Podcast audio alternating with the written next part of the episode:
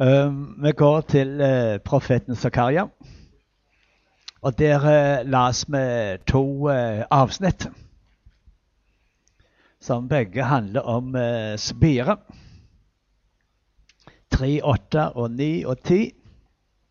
For sjå, jeg let min tjener Spire komme. Sjå, jeg riter ei innskrift på den steinen jeg har lagt framfor Josva.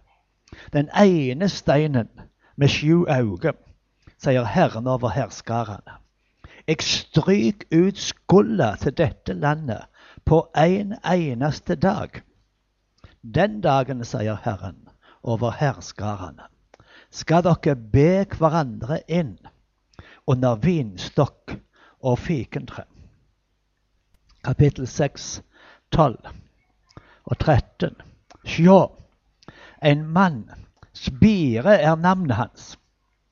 Under han skal det spire og gro. Han skal bygge Herrens tempel. Ja, han skal bygge Herrens tempel. Han skal vinne herligdom og sitte og herske på si trone. En prest òg skal ha si trone, og mellom de to skal det rå fred. Og folk fra fjerne land skal komme og bygge på Herrens tempel. Amen. Så vi, vi har sett litt på dette. At under Han så skal det spire og gro. Og um, vi vet at det er Jesus. Det her, det her er profetiet om Jesus. Og fordi det her er profetiet om Jesus og den messianske tidsalderen, så tror vi òg at dette er profetord som handler om oss som er i Jesus, og som er Jesu kropp. Og derfor, fordi Jesus har kommet, så, så har den messianske tida kommet. Og vi lever i den alderen hvor vi skal se dette fullført. Og jeg elsker dette uttrykket spire. Navnet hans er Spire. Og for meg er dette først og fremst knytta til oppståa. Det er knytta til oppstå. Og eh, kan, det, det, er helt uproblematisk òg å knytte det til, eh, til at når han eh, ble menneske Inkarnasjonen. Men det handler om Jesus. Og det handler om han som har liv i seg sjøl. Og det handler om han som ble krossfest, gravlagd, men sto opp igjen som òg sier oss at det samme hvor mye motstand vi møter. Det samme hvor mye vi blir høvla ned, eller kutta ned, eller slått ned. Så er det et liv som alltid vil reise seg. Når vi hørte på uh, Steffen i går, så var jo han helt avskreven. Og han avskrev seg sjøl om igjen og om igjen og om igjen og om igjen og om igjen. Men det var samme hvor mye han skrev, avskrev seg sjøl, så var det noe der som Det kom opp igjen. Det skulle bare et lite ord til så kom det opp igjen. Og så var han ferdig med det. Og så forsto han nei, jeg kan ikke avskrive meg sjøl. Så, så det er dette Vi har fått et liv. Det er et, det er et frø som har blitt planta i oss. Og dette frøet, det har en slik en spirekraft at uh, det, det er samme hvor elendige vi kjenner oss, det er samme hvor vanskelige omstå, uh, omstendet vi er i, så, så, så vil dette spire. Så, så, vil det vokse. Og det er samme hvor mange ganger vi føler oss nedslåtte, og vi føler oss langt nede i kjelleren, og vi føler oss mislykka, og vi sier til oss sjøl nei, aldri mer. Og så går det ei stund, så spirer det på nytt igjen. Og Når du leser profeten Jeremia, det er jo veldig interessant. For Jeremia, han, av alle profetene, så skiljer han seg ut med å skildre sine egne kjensler og sine egne tanker. Og, hvor, eh, og han eh, var full av tårer, og han var motløs. Og han eh, sier Herren så lokka han, og han let seg lokke. Og så treger han på dette. Han angra på at han hadde blitt profet og, og, og, vært lydig imot Guds kall. Og så bestemte han seg for jeg skal aldri mer profetere. Aldri mer! Og så tidde han stilt. Og kjenner historien at når han tidde stilt, så, så, så, så ble det som en L inni han. Og det ble som en L i, i beina hans. Det, det, det her eh, ordet ifra Gud, det arbeidet i han. Så til slutt så kunne han ikke holde det inne. Men han måtte få det ut. Fordi at ordet, navnet hans, er spire. Det frø som Gud har lagt ned i oss. Det, det, det kan ikke kveles. Det kan ikke trykkes ned. Det finner alltid en vei. Det finner alltid et uttrykk. Og det er så trygt og så godt og så å, å vite dette. Halleluja. Sånn som um, Malene er ei skikkelig god dame. Malene er ei sol. Malene er ei sol. Der er, der er, er sol, der er svært lys som stråler inne i deg. Du er ei sol. Amen. Det er OK. Solveig, Solveig ønsker å være sola mi. Så, men det er ikke det vi snakker om nå. Men du, er, du har ei sol i deg.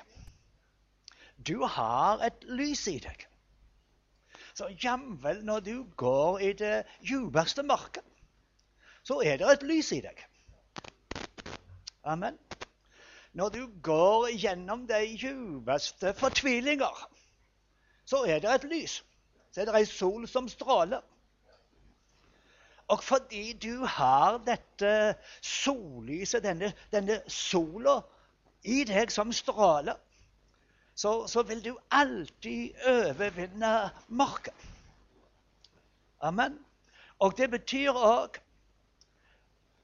Må ikke du forstyrre meg, lille venn her.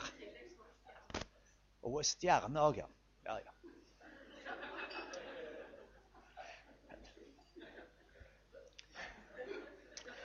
Nå forstår dere hvorfor Bibelen sier at eh, kvinner skal tie i forsamlinger.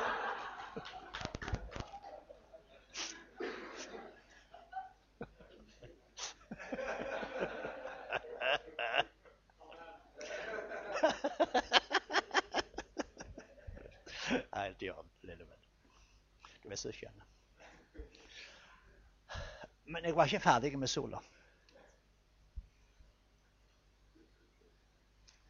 Fordi du er ei sol, så, så, så vil dette lyset fra denne sola som bor i deg, alltid overvinne alt det du vil oppleve som vanskelig, og alt det du vil oppleve som mørke. Det er den ene sida. Du vil alltid komme igjennom. Og, du, og lyset vil alltid være sterkere enn alt dette andre som kan være vanskelig. Men det betyr òg at du er utvalgt av Gud til å bringe lys i andre sitt mørke. Å bringe lys der hvor andre har det vanskelig.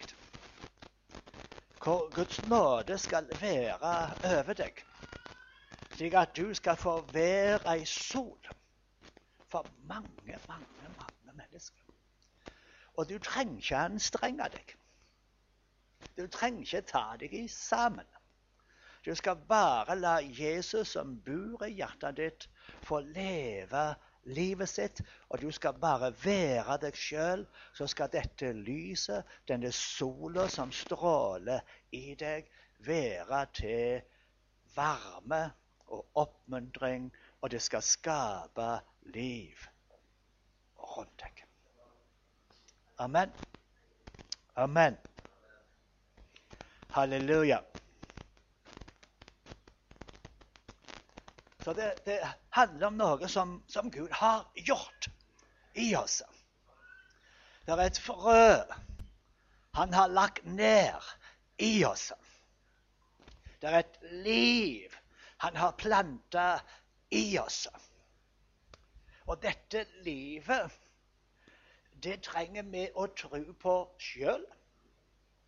Og så trenger vi å hjelpe andre rundt oss og, og tro. Og ved å oppmuntre og, og hjelpe dette livet fram, så det får vokse og utvikles. Når vi leser her i, i Zakaria, det andre kapittelet, før der vi, vi starta å lese så, så det handler det bl.a. om en mann med ei målesnor. Om en ung mann som hadde ei målesnor, og som var opptatt av å måle hvor store Jerusalem skulle være. Men da sier engelen ifra Gud til profeten. Spring bort, sier han. Stopp den der unge mannen. Og så sier han ta, Slutt med den målinga.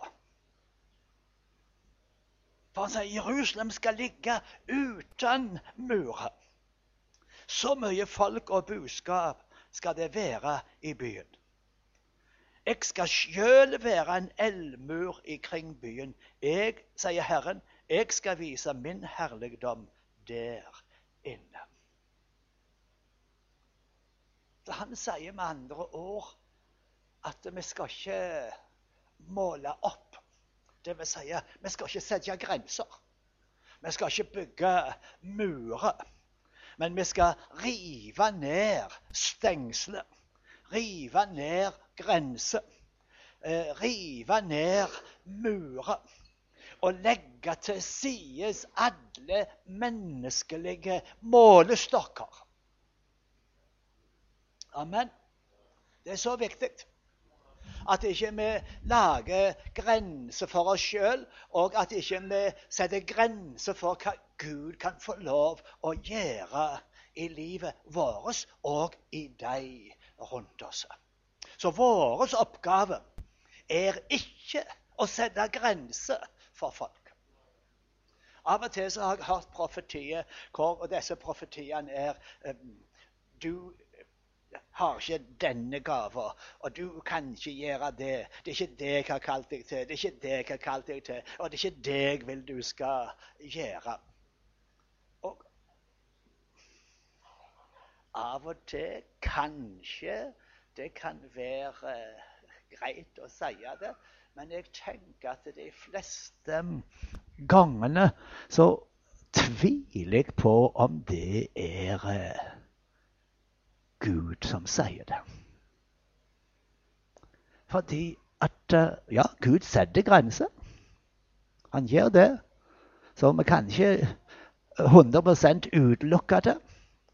Men faren er at det ble så mange grenser. At det ble atter så lite rom å manøvre på. Og jeg har funnet ut det at Guds vilje for meg er mye bredere. Det å gjøre Guds vilje er ikke å balansere på ei snor. Det, det er veldig vanskelig å være innenfor Guds vilje. Veldig vanskelig å holde balansen. Nei, nei, nei. nei. Jeg har funnet ut at Guds vilje er mye bredere. Og innenfor alt det gode som er Guds vilje, så er det faktisk slik at jeg har stor fridom i å velge. Faktisk. Det som er bare veldig viktig, det er for det første retningen at vi går i den retningen som han sier. Det vil si, vi går mot Gud. Amen.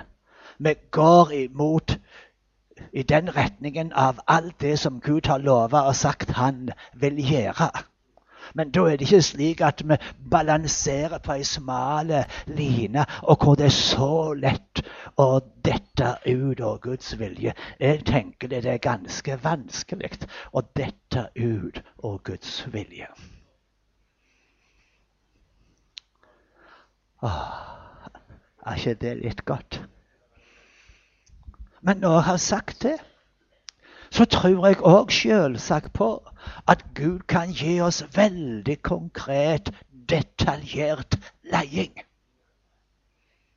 Men når vi ikke har det, da gjør vi det slik som det står i Bibelen, at når Den hellige ande kommer over deg, hver en som fikk høre, så skal du gjøre det som faller deg inn. Ja. Så, så det, det, her er òg ei side. Når vi lever på en slik måte at vi er brennende, vi elsker Jesus, vi er glad i Gud, eh, så, så kan vi gjøre hva vi vil. Og han Augustin, kjære broder Sankt um, uh, Helgen Augustin, kirkefader, Eh, den store katolske lærefaderen, han har sagt noe utrolig bra. Han sier 'Elsk Herren og gjør det du vil'. For når du elsker Gud, da vil alt det du vil, være i samsvar med alt det gode som er i Gud. Og det er veldig trygt. Så, så, så, enkelt er det å leve.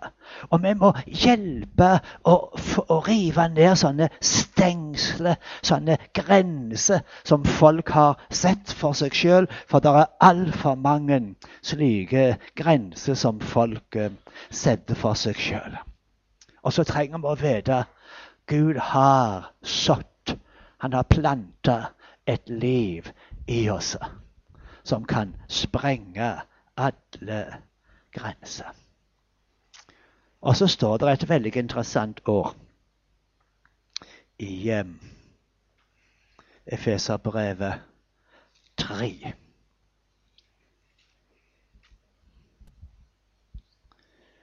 Han som verker i oss med si kraft. Er vers 20. Han som verker i oss med si kraft, kan gjøre så uendelig mye mer enn alt vi ber om eller skjønner. Hørte du det her? Hvem er det som kan gjøre så mye mer enn alt vi ber om, så mye mer enn alt vi kan fatte. Så mye mer enn alt vi kan drømme. Så mye mer enn alt vi kan fantasere om.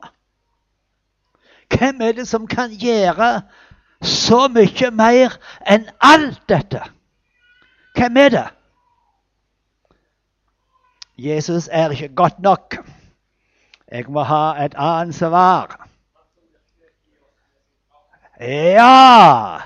Torvald, han forstår koden. Det er veldig bra. Ja, for det her, Hvis vi sier bare Jesus, så er det lett å plassere han um, utenfor en plass. Ikke sant? Men det er han som virker i oss. Amen. Han som virker i meg. Og han som virker i deg. Og han som virker i deg og deg og deg og deg og hver eneste en av oss. Han, han bor her på innsida. Han arbeider her på innsida. Og med den krafta som er virksom i deg, den krafta som er virksom i meg, den Gud som bor og arbeider i deg og meg, han kan gjøre så mye, mye mer enn alt vi kan forestille oss. Amen. Så derfor er det viktig at ikke vi setter grenser for Gud. Så her er det tredje kapittelet i Zakaria. Der har vi den fortellinga om uh, Josfa, øverstepresten, som um, står i skitne klær. Og hvor anklageren kommer og peker på at han har skitne klær.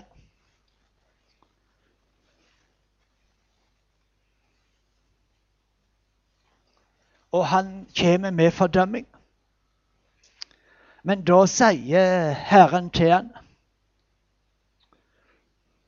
Ta av han de skitne klær. Og så, så, sier han til Josva, øverstepresten, Sjå, jeg tar bort skulda di og kler deg i festklær. Og så fikk han en rein turban på hodet. Og så fikk han disse ordene ifra Gud. Om at navnet hans er Spire. Og her er vi inne på noe veldig viktig, tenker jeg, i dette som er det overordna som vi snakker om nå. Nemlig det å, at det skal spire og gro at vi skal få være med å skape et vokstermiljø. Og det innebærer at eh, vi skaper et miljø hvor vi ikke gir rom for fordømming. Og hvor vi ikke gir rom for klaging. Men hvor vi hjelper folk til å se hvem de er i Kristus. Hjelpe folk til å se hva Kristus har gjort for den enkelte. Det er så viktig. Og um, det er en av grunnene til at jeg skrev denne boka, eh, 'Kristusmeditasjoner', og lagde denne lydboka. Og når jeg hørte på Steffen i går, så lurte jeg Steffen, har du lest denne boka? Ikke hele boka. Og du har ikke hørt på den der? Nei. Hvis du hadde lest denne boka noen ganger, og kanskje hørt på denne her CD-en enda flere ganger, så tror jeg det ville vært umulig for deg å snakke om å avskrive deg sjøl.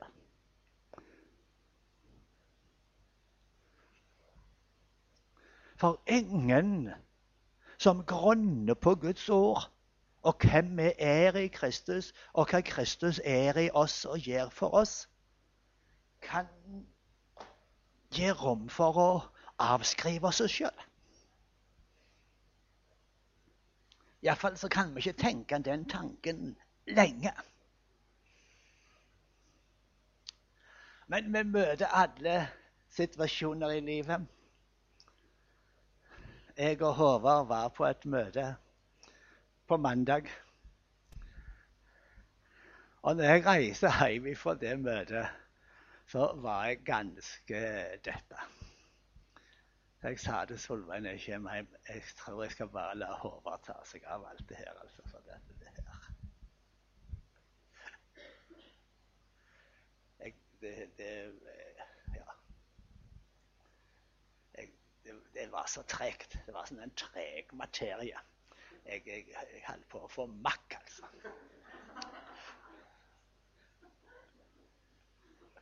jeg, jeg, jeg, hadde ikke tålmod nok altså, til, til å jeg tenkte jeg skal bare la Håvard det der. Han må ta det her. La han, la han, han, han streve med det her. Men jeg skal være med Håvard. Amen. Og vi skal se det gjennom. Men, men Sånne ting vil vi selvsagt alltid oppleve. Men vi har noe. Vi har et liv inni oss. Og um, når vi grunner på Guds ord, og når vi leder dette Jesus-livet for å vokse i oss Ingen fordømming for den som er i Kristus Jesus. Du kjenner deg mislukka. Du opplever du når ikke fram. Du blir ikke hørt, du blir ikke forstått. Eh, du, du, du slåss med noe du ikke får tak på. Hva er det her for noe? Amen. Vet du likevel Ordet fra Gud, det skal bli oppfylt. Så du kan ikke, du, du kan, du kan ikke gi opp. Du kan ikke gi etter. Du kan ikke avskrive deg sjøl. Så de tankene kan komme, men du avviser dem. For du vet Gud har lagt sin hand på deg. Gud har kalt meg. Gud har sett meg til tjeneste. Og vi skal se et gjennombrudd. Og så ingen fordømming. Ingen fordømming. Ingen fordømming. På Jæren har vi et fantastisk uttrykk. Det det er vanneri. Vanneri.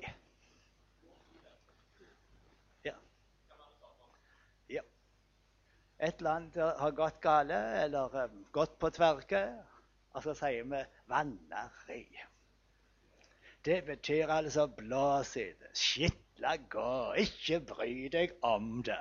La det seile sin egen sjø. Vanneri. Hva? Det er et fantastisk ord. Jeg vet ikke om det står i ordboka. Men det er et fantastisk ord som, som, som lærer deg det at du kan bare legge noe til side. Så ikke, ikke bli opptatt noe. La det her ete deg opp innenfra. Nei, bare Livet går videre. Amen. Livet går videre. Amen. Livet går videre. Om du datt, ja, hva gjør det? Reis deg og gå videre. Amen. Og det er ingen fordømming. Vanneri. Skitla gå! Ikke bry deg! Det gjør ingenting! Det gjør ingenting! Vanneri! Nå har dere lært et nytt ord i dag. Kan dere si det? La meg høre. Ja, dere er gode! Vanleri! Legg det for Gud. Legg det fra deg. Lev fritt. Amen. Og det her er veldig, veldig viktig. For det er så mange folk som sliter med fordømming. Det er så mange folk som sliter med mindreverdskjensle. Det er så mange folk som føler at de kommer til kort. Og jeg tror ikke det er noen mennesker som ikke av og til har den kjensla der. Sånn som på det her møtet vi hadde på mandag. Jeg reiser derifra. Jeg følte meg aldeles eh, mislukka. Så jeg tenker Jeg hører på Håvard. Håvard eh, virker som han når fram. Så tenkte jeg la han ta hele greia. Og det skal han få lov til. Men jeg skal være med han.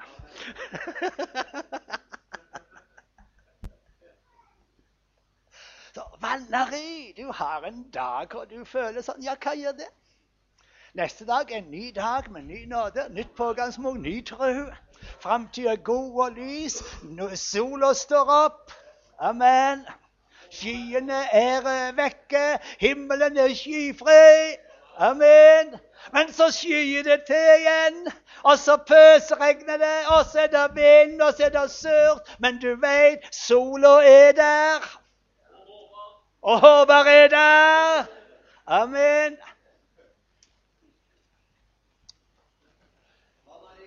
Vanneri, det er riktig. Amen. Og det betyr at uh, det, her, det, er viktig å kunne uh, at vi fungerer sammen. Og det er viktig å forstå at ingen av oss har det alt. Og noen ganger så, så, er det sånn at det er gudville, det som vi opplevde på mandag. At noen må si noe slik at folk reagerer. Og så kommer det en annen etterpå som sier det akkurat det samme. Men han sier det på en slik måte at de andre ikke forsto at det er det samme han sier, som den første sa. Og så henger de seg på og er så begeistra.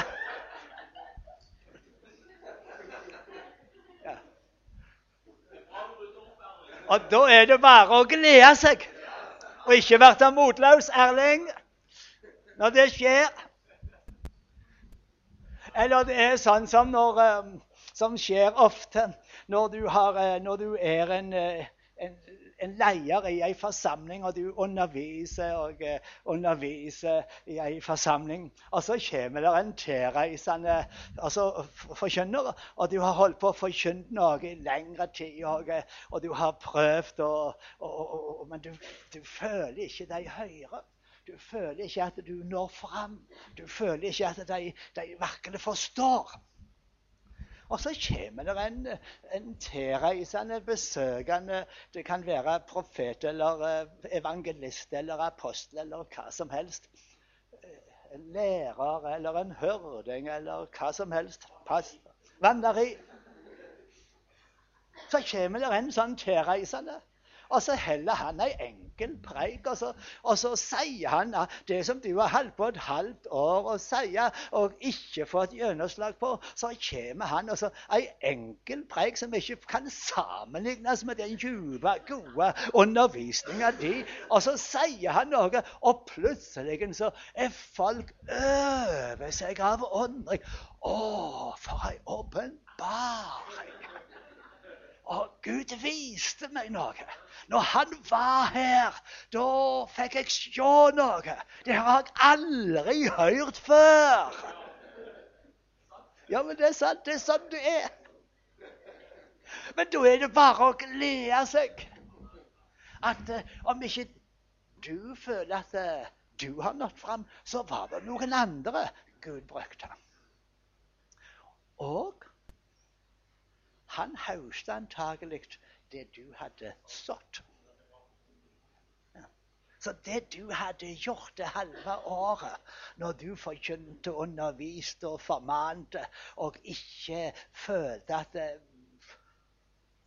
du kom igjennom, så kommer der en annen. Og så sier han bare noe enkelt, og så hauster han. Og så får folk åpenbaring.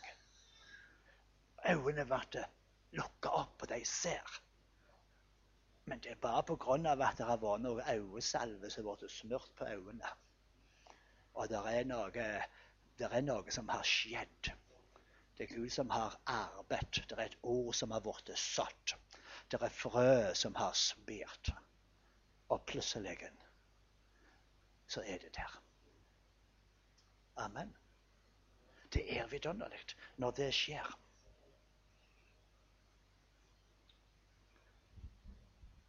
Og så sier han det som skjer her Han taler om å be naboer på, på fest.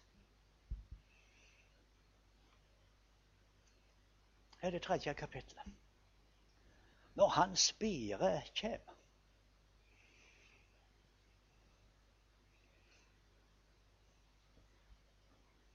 Spire.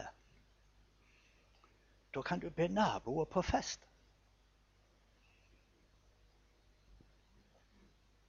Og det forteller meg at heimene er um, veldig, veldig viktige, livsviktige, i det som Gud gjør.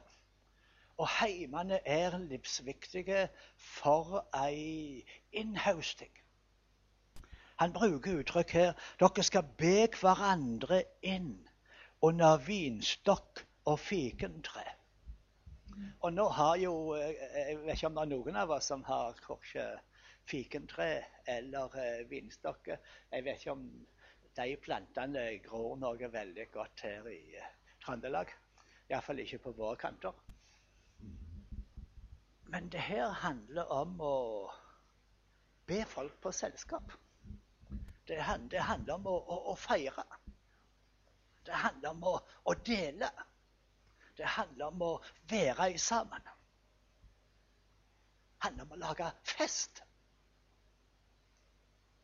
Og det handler om å bruke heimen som en oase.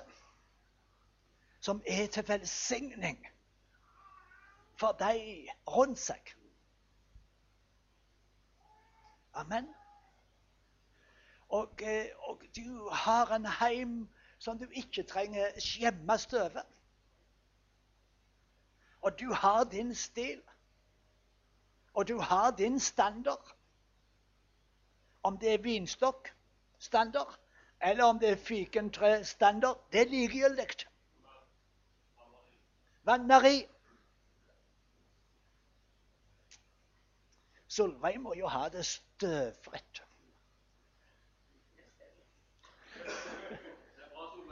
Ja, hun er ei skikkelig god husmor. Hun holder det rent og på orden. Og når hun skal ha, folk, ha selskap, invitere folk, så er det én viktig regel. Det må være dobbelt så mye mat som folk kommer til å ete. Det må aldri, aldri bli for lite. Hun er oppvokst på en sånn jærsk bondegard hvor en settes i ære i å ha mer enn nok å gi. Slik er Solveig. Fantastisk. Men du trenger ikke være Solveig. Amen. Jeg vet ikke om jeg kunne vært gift med noen andre enn Solveig.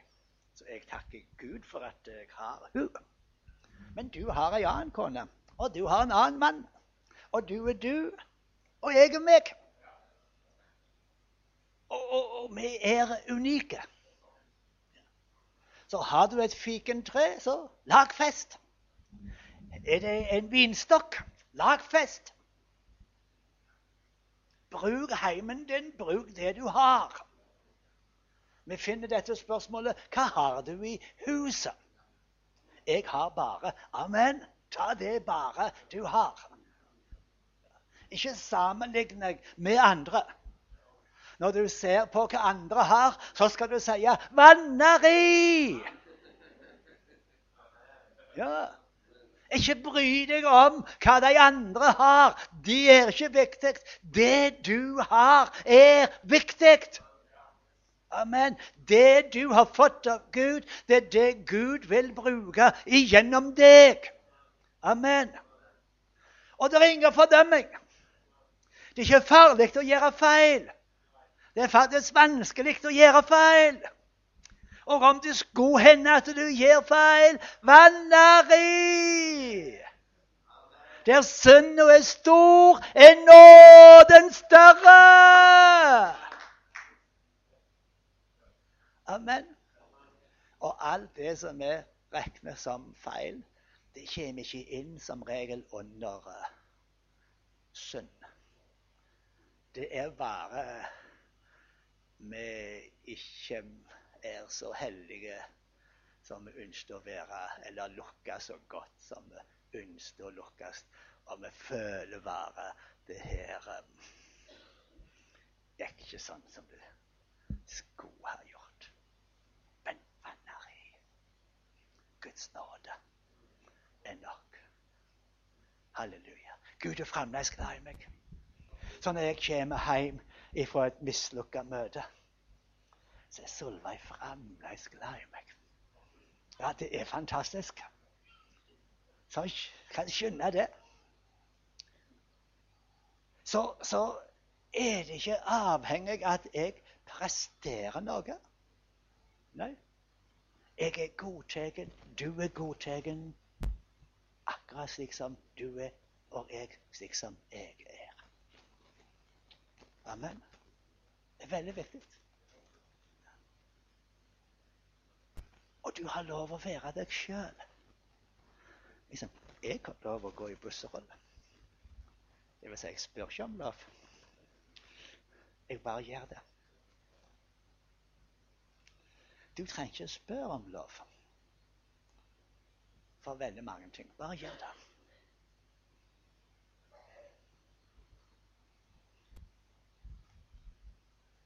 Og nå er jo, eh, hvor er jeg eh, For jeg fant, du vil ha en pause? Ja, men da tar vi den nå. Nei, den må være bare på tre minutter. Fem minutter. Fem En kvikk, liten pause.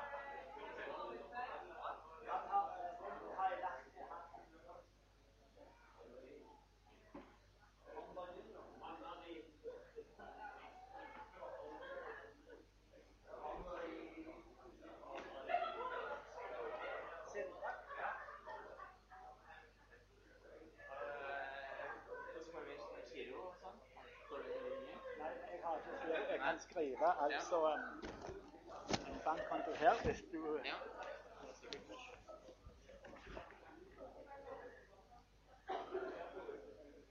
Det er du som har sett på lydboka? Ja. ja. Jeg har tenkt på å skrive den til min bestemor. ja. Men eh, jeg håper at hun eh, klarer å henge med på jærsk. Men det, det kan jo ikke det, Den, der, den lyd, lydboka tror jeg eldre folk vil kunne ha Ja, på. For det, jeg ja, håper for det. det, for det er jo tydelig og sånn, så det er ikke så mange direkte Nei. gir, gir uttrykk. Jeg tror ikke det kommer vanneri der. Nei. Nei, det, det tror jeg skal gå bra.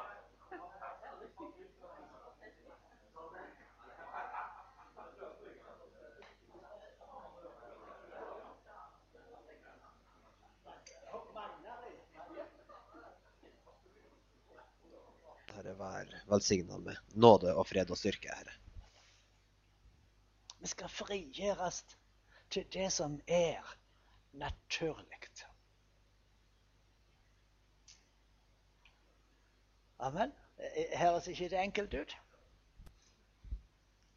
Så når, um, når Gud kaller oss oss i samsvar med den Han alt har laga oss til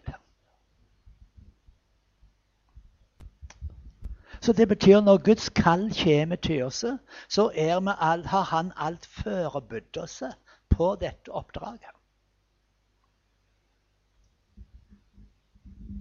Så han kaller oss til noe naturlig. Og så kaller han oss da til dette naturlige, som er å reprodusere oss sjøl. Det, det er helt naturlig. Det ligger innebygd i mennesket. Det er en indre drivkraft og mangfoldiggjøring. For barn, bli mange. I det naturlige så er det helt naturlig. Du trenger ikke gå på skole, du trenger ikke gå på universitet. Du, du, du trenger ikke lære det. Det er naturlig. Det er et livsinstinkt.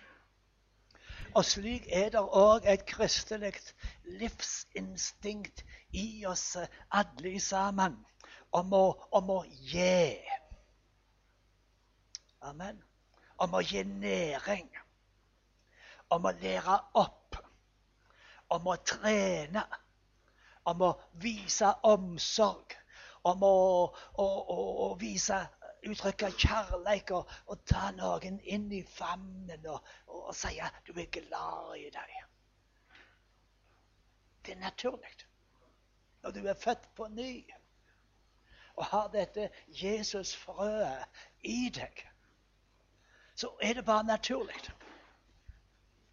Det, det, det er det indre instinkt eller indre livskraft i deg. Og, og, og, da, og, når vi tenker sånt, så er det bare da å hjelpe hverandre til å gjøre og være det som er naturlig fordi vi er født på ny. Det som er naturlig fordi Den hellige ande bor i oss. Så det er bare da å være med å elske fram og fostre fram og gi rom for dette nye livet. Og så ser vi da at vi er generasjoner som står i sammen. Sånn som her, den mest fantastiske, spesielle personen har vi lært her i dag, eller var det i går? Det var Grete.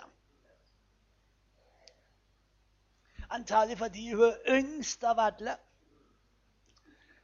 Og fordi hun har et godt smil.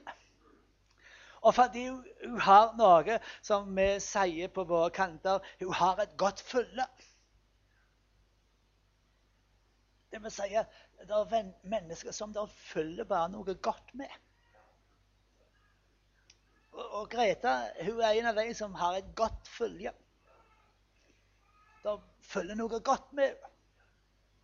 Amen. Men hun er i en annen generasjon enn de fleste av dere. Og det er jo meg og Solveig òg. Men det er jo fantastisk at dere eh, ønsker også velkomne, slik som dere gjør. Og jeg føler meg ikke ett år eldre enn dere. Når jeg er lag med han Olav, jeg føler meg akkurat som en jevnaldrende med han. Jeg vet jo, jeg ser jo ikke sånn ut.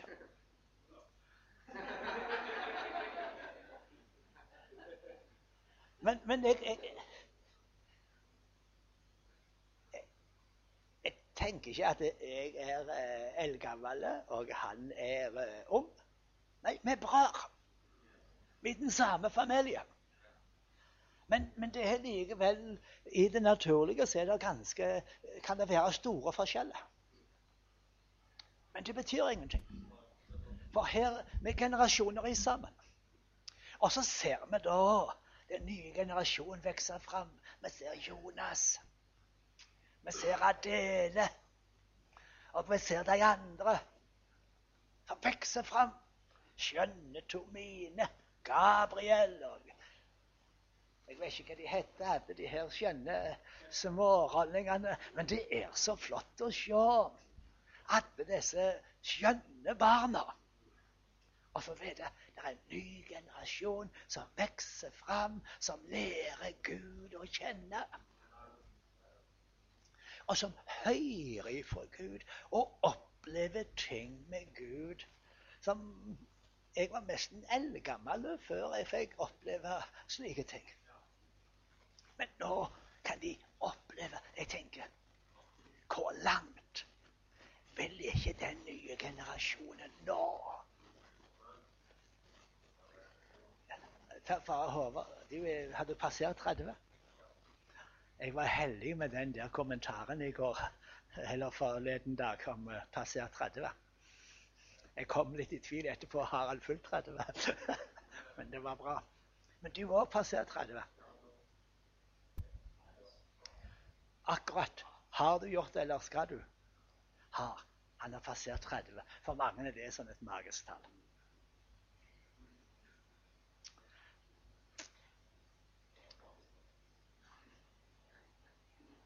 30. Når jeg var 30 Jeg visste ikke hva en profet var. Jeg, jeg vet ikke om jeg nesten hadde hørt om at det eksisterte apostler og profeter i vår tid. Bare juss så vidt.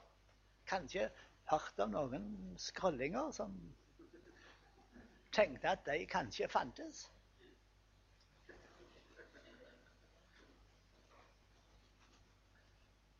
Jeg var 40 år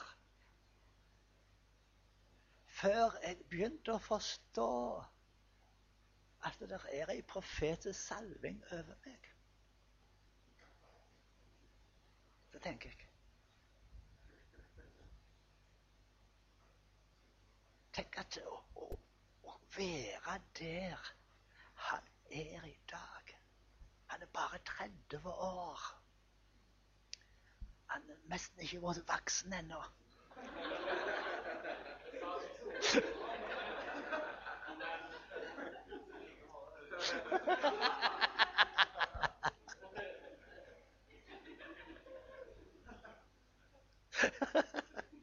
du vet den grensen for voksen, den, den, vokser, den vokser hele tida. Da tenker jeg Han er der i dag. Dere er der dere er i, i dag. Det er et et utgangspunkt. Et sånn en, dere har et fundament. En grunnvoll som er så mye sterkere og høyere og lenger framme, tenker jeg. Hvor langt vil ikke dere nå?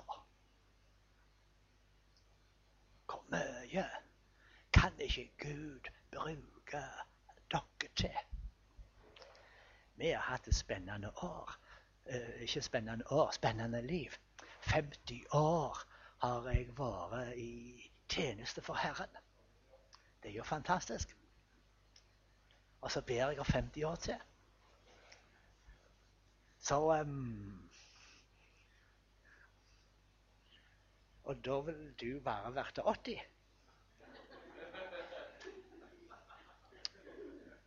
Så du vet Vi skal springe i lag lenge med. Amen. Men jeg tenker bare på at uh, det som ligger før oss For jeg, ser der ifra Det er noe som har skjedd. Det er en endring som har skjedd i landet for oss. Negativt, men òg fantastisk positive ting. Noe som vokser fram. Og dere har en større, et bedre utgangspunkt for å lukkes i å endre dette landet enn noen generasjon før dere har hatt. Dere har bedre utgangspunkt enn Hans Nilsen Hauge. Amen. Og i sammen så skal vi lukkes og gjøre føre dette landet til Gud. Amen. Halleluja. Vi sammen om det. Amen. Og det betyr at vi må òg tenke i den nye generasjonen. Investere i den nye generasjonen. Ikke glemme noen av de andre. Men vi må det viktigste er å investere i de unge. Nå har jo dere vært Mange av dere som var studenter, har blitt gifte og blitt småbarnsforeldre. Så nå er denne flokken dominert av eh, småbarnsforeldre. Dette som før var en studentmenighet, har nå blitt en sånn småbarnsfamiliemenighet.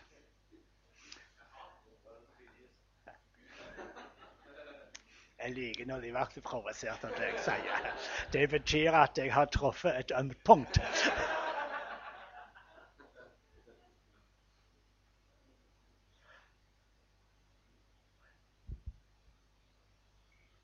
Nei, men eh,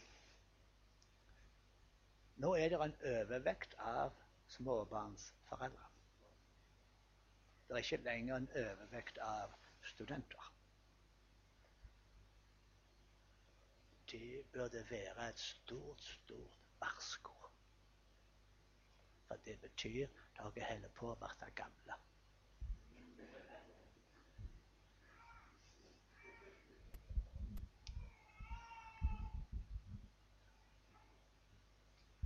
Det er ikke nok at dere nå greier å berge barna deres, den nye generasjonen. Vi har ikke råd til å miste dem imellom.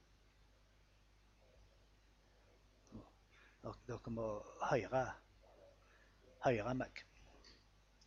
Vi må ikke miste dem imellom. Jeg gleder meg over barna som jeg ser. Det er, det er så skjønt. Og jeg gleder meg over alle de her gode, lukkelige foreldrene som jeg ser. Flotte familier. Men vi må ikke miste det som er imellom. Og så er jeg glad for at Gud gjør noen som er eh, litt voksnere. Flere av dem òg.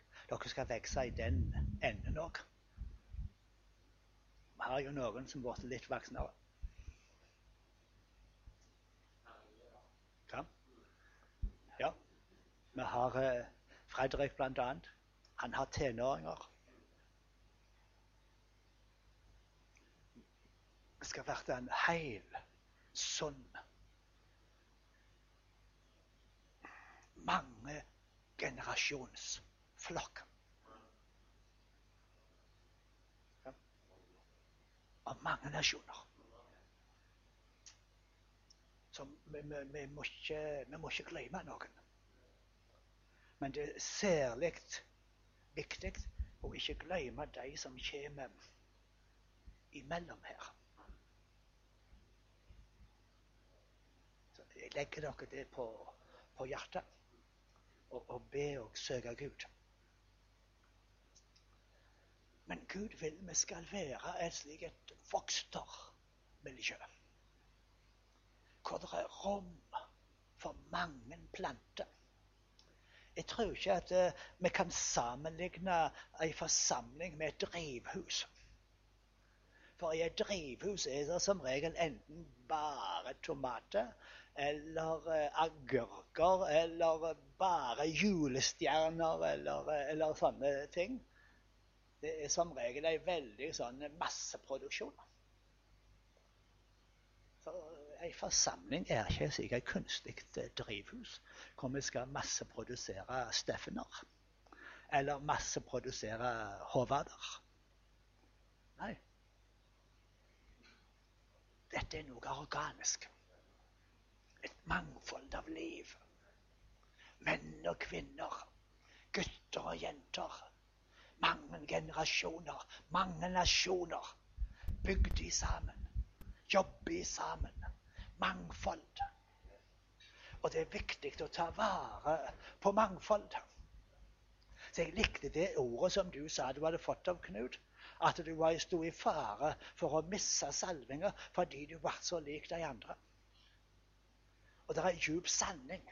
Vi kan bare leve i ei frisk salving når vi er oss sjøl slik som Gud har skapt oss, og slik som Gud har formet oss.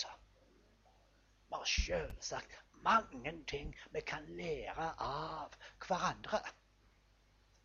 Men vi skal ikke være kloner, og vi skal ikke være eh, kopier. Gud ønsker bare originaler. Amen.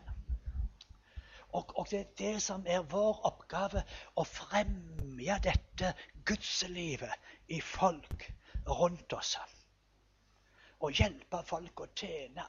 Hjelpe folk å ta initiativ. Hjelpe det slik at vi kan legge livet ned for hverandre.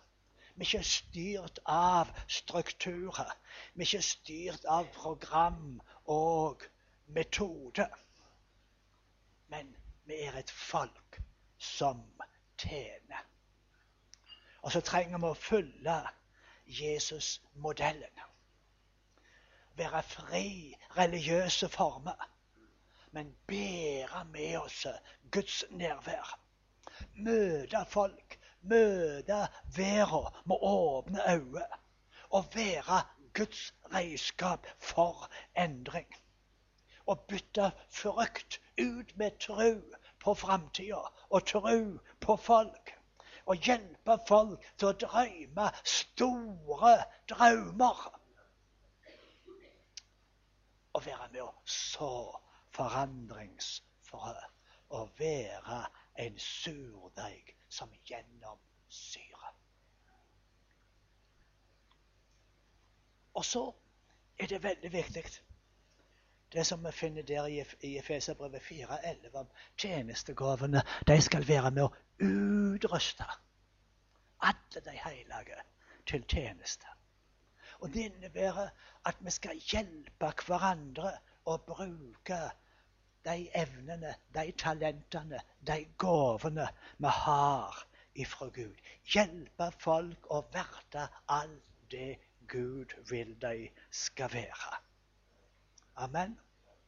Og så er det noen veldig grunnleggende ting som, som eh, jeg bare fort skal ta nå de siste eh, minutter. Og det er det som jeg kaller de her åndelige disiplinene. Som, som, jeg stadig kommer tilbake til, og som jeg eh, tenker at eh, de er så viktige, at, eh, og også er de så lette å glemme. Jeg tenker nå bare så enkelt som det og det jeg vil kalle det daglige livet i Gud.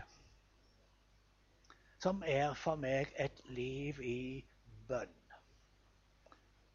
Og som er for meg et liv i ordet. Hvor du sukker og ber og snakker og samtaler med Gud gjennom hele hverdagen. Det er veldig greit å ha bønnetider. Det er greit å sette av si tid og gå i et lønnkammer. Men det er ikke nok. Det viktigste er at vi lever med Gud i hver hele dagen. Er det dette fellesskapet og samtalen med Gud gjennom hele dagen? Det er så viktig. Og det er så viktig at vi har et system eller en plan for bibellesing. Egentlig så burde vi, tenker jeg, lese Bibelen én gang gjennom én gang i året. Det syns jeg alle kristne burde kunne greie. Men hvis du ikke greier det, så, så lag deg en plan, så du kommer gjennom Bibelen på to år eller på tre år. eller noe sånt. Jeg tenker sånn enkel bibelleseplan er veldig, veldig viktig. Men det viktigste er å lære seg til å ta næring til seg av Guds ord. Så, så det er ikke nok å lese 100 eh, kapitler hvis ikke du får næring av, av det du leser. Du bare leser, og det er bare en mental lesing. Og du, du, du raser gjennom Bibelen. Det er ikke det vi snakker om. Og vi snakker ikke om å lese for å lese, men det er at uh, Bibelen er ei oppkomme av liv. Gud taler til oss. Og det er det vi må lære folk og hjelpe folk til å høre Gud gjennom ordet. Ta til seg næring ifra ordet. Høre Guds røyst gjennom ordet. Det står så tragisk om, i, i apostelgjerningene 13 om noen som hørte Guds ord lest hver eneste sabbat. Og Guds ord var å lese i store mengder. Men så står det de hørte ikke profetrøyster. De hørte ordet som ble lesende, men de hørte ikke at det var Gud som talte gjennom disse ordene. De hørte ikke profetrøyster. Så det viktigste av alt, det er ikke hvor mye du leser. Jeg tror på å lese mye. Jeg tror på å ha en plan. Men det er ikke det som er det viktigste. Det viktigste er at du hører ifra Gud. At Guds ord får skape tro i deg. At Guds ord får frigjort liv i deg. At Guds ord får bygd deg opp. At Guds ord gjør deg sterk. Og, og det der har vi, tenker jeg, en veldig stor utfordring til å hjelpe folk å leve der. For det har jeg oppdaga at det er så lett å bare gå ut ifra at dette er på plass. Men det er så ofte, skremmende ofte, jeg oppdager det er ikke på plass. Så her må vi, det her er et område vi må være så vakne på. Og så har du dette med å være en tjener som innebærer både at man kunne si ja og nei på de rette plassene. Det å bygge karakter. Og det å hjelpe folk å, å leve pakt. Alt dette tenker jeg er veldig viktig og veldig grunnleggende for å kunne skape slik et vokstermiljø som gjør at det spirer og det grår og det vokser og det skyter opp nye spirer. Og det skyter opp nye spirer. Og det skyter opp nye spirer. Og det vokser og vokser og breier seg ut. Men det livet bor i dere og i mellom dere. Og det er jeg glad for å sjå. Og glad for å være med dere. Tusen takk skal dere ha. ha ei god helg.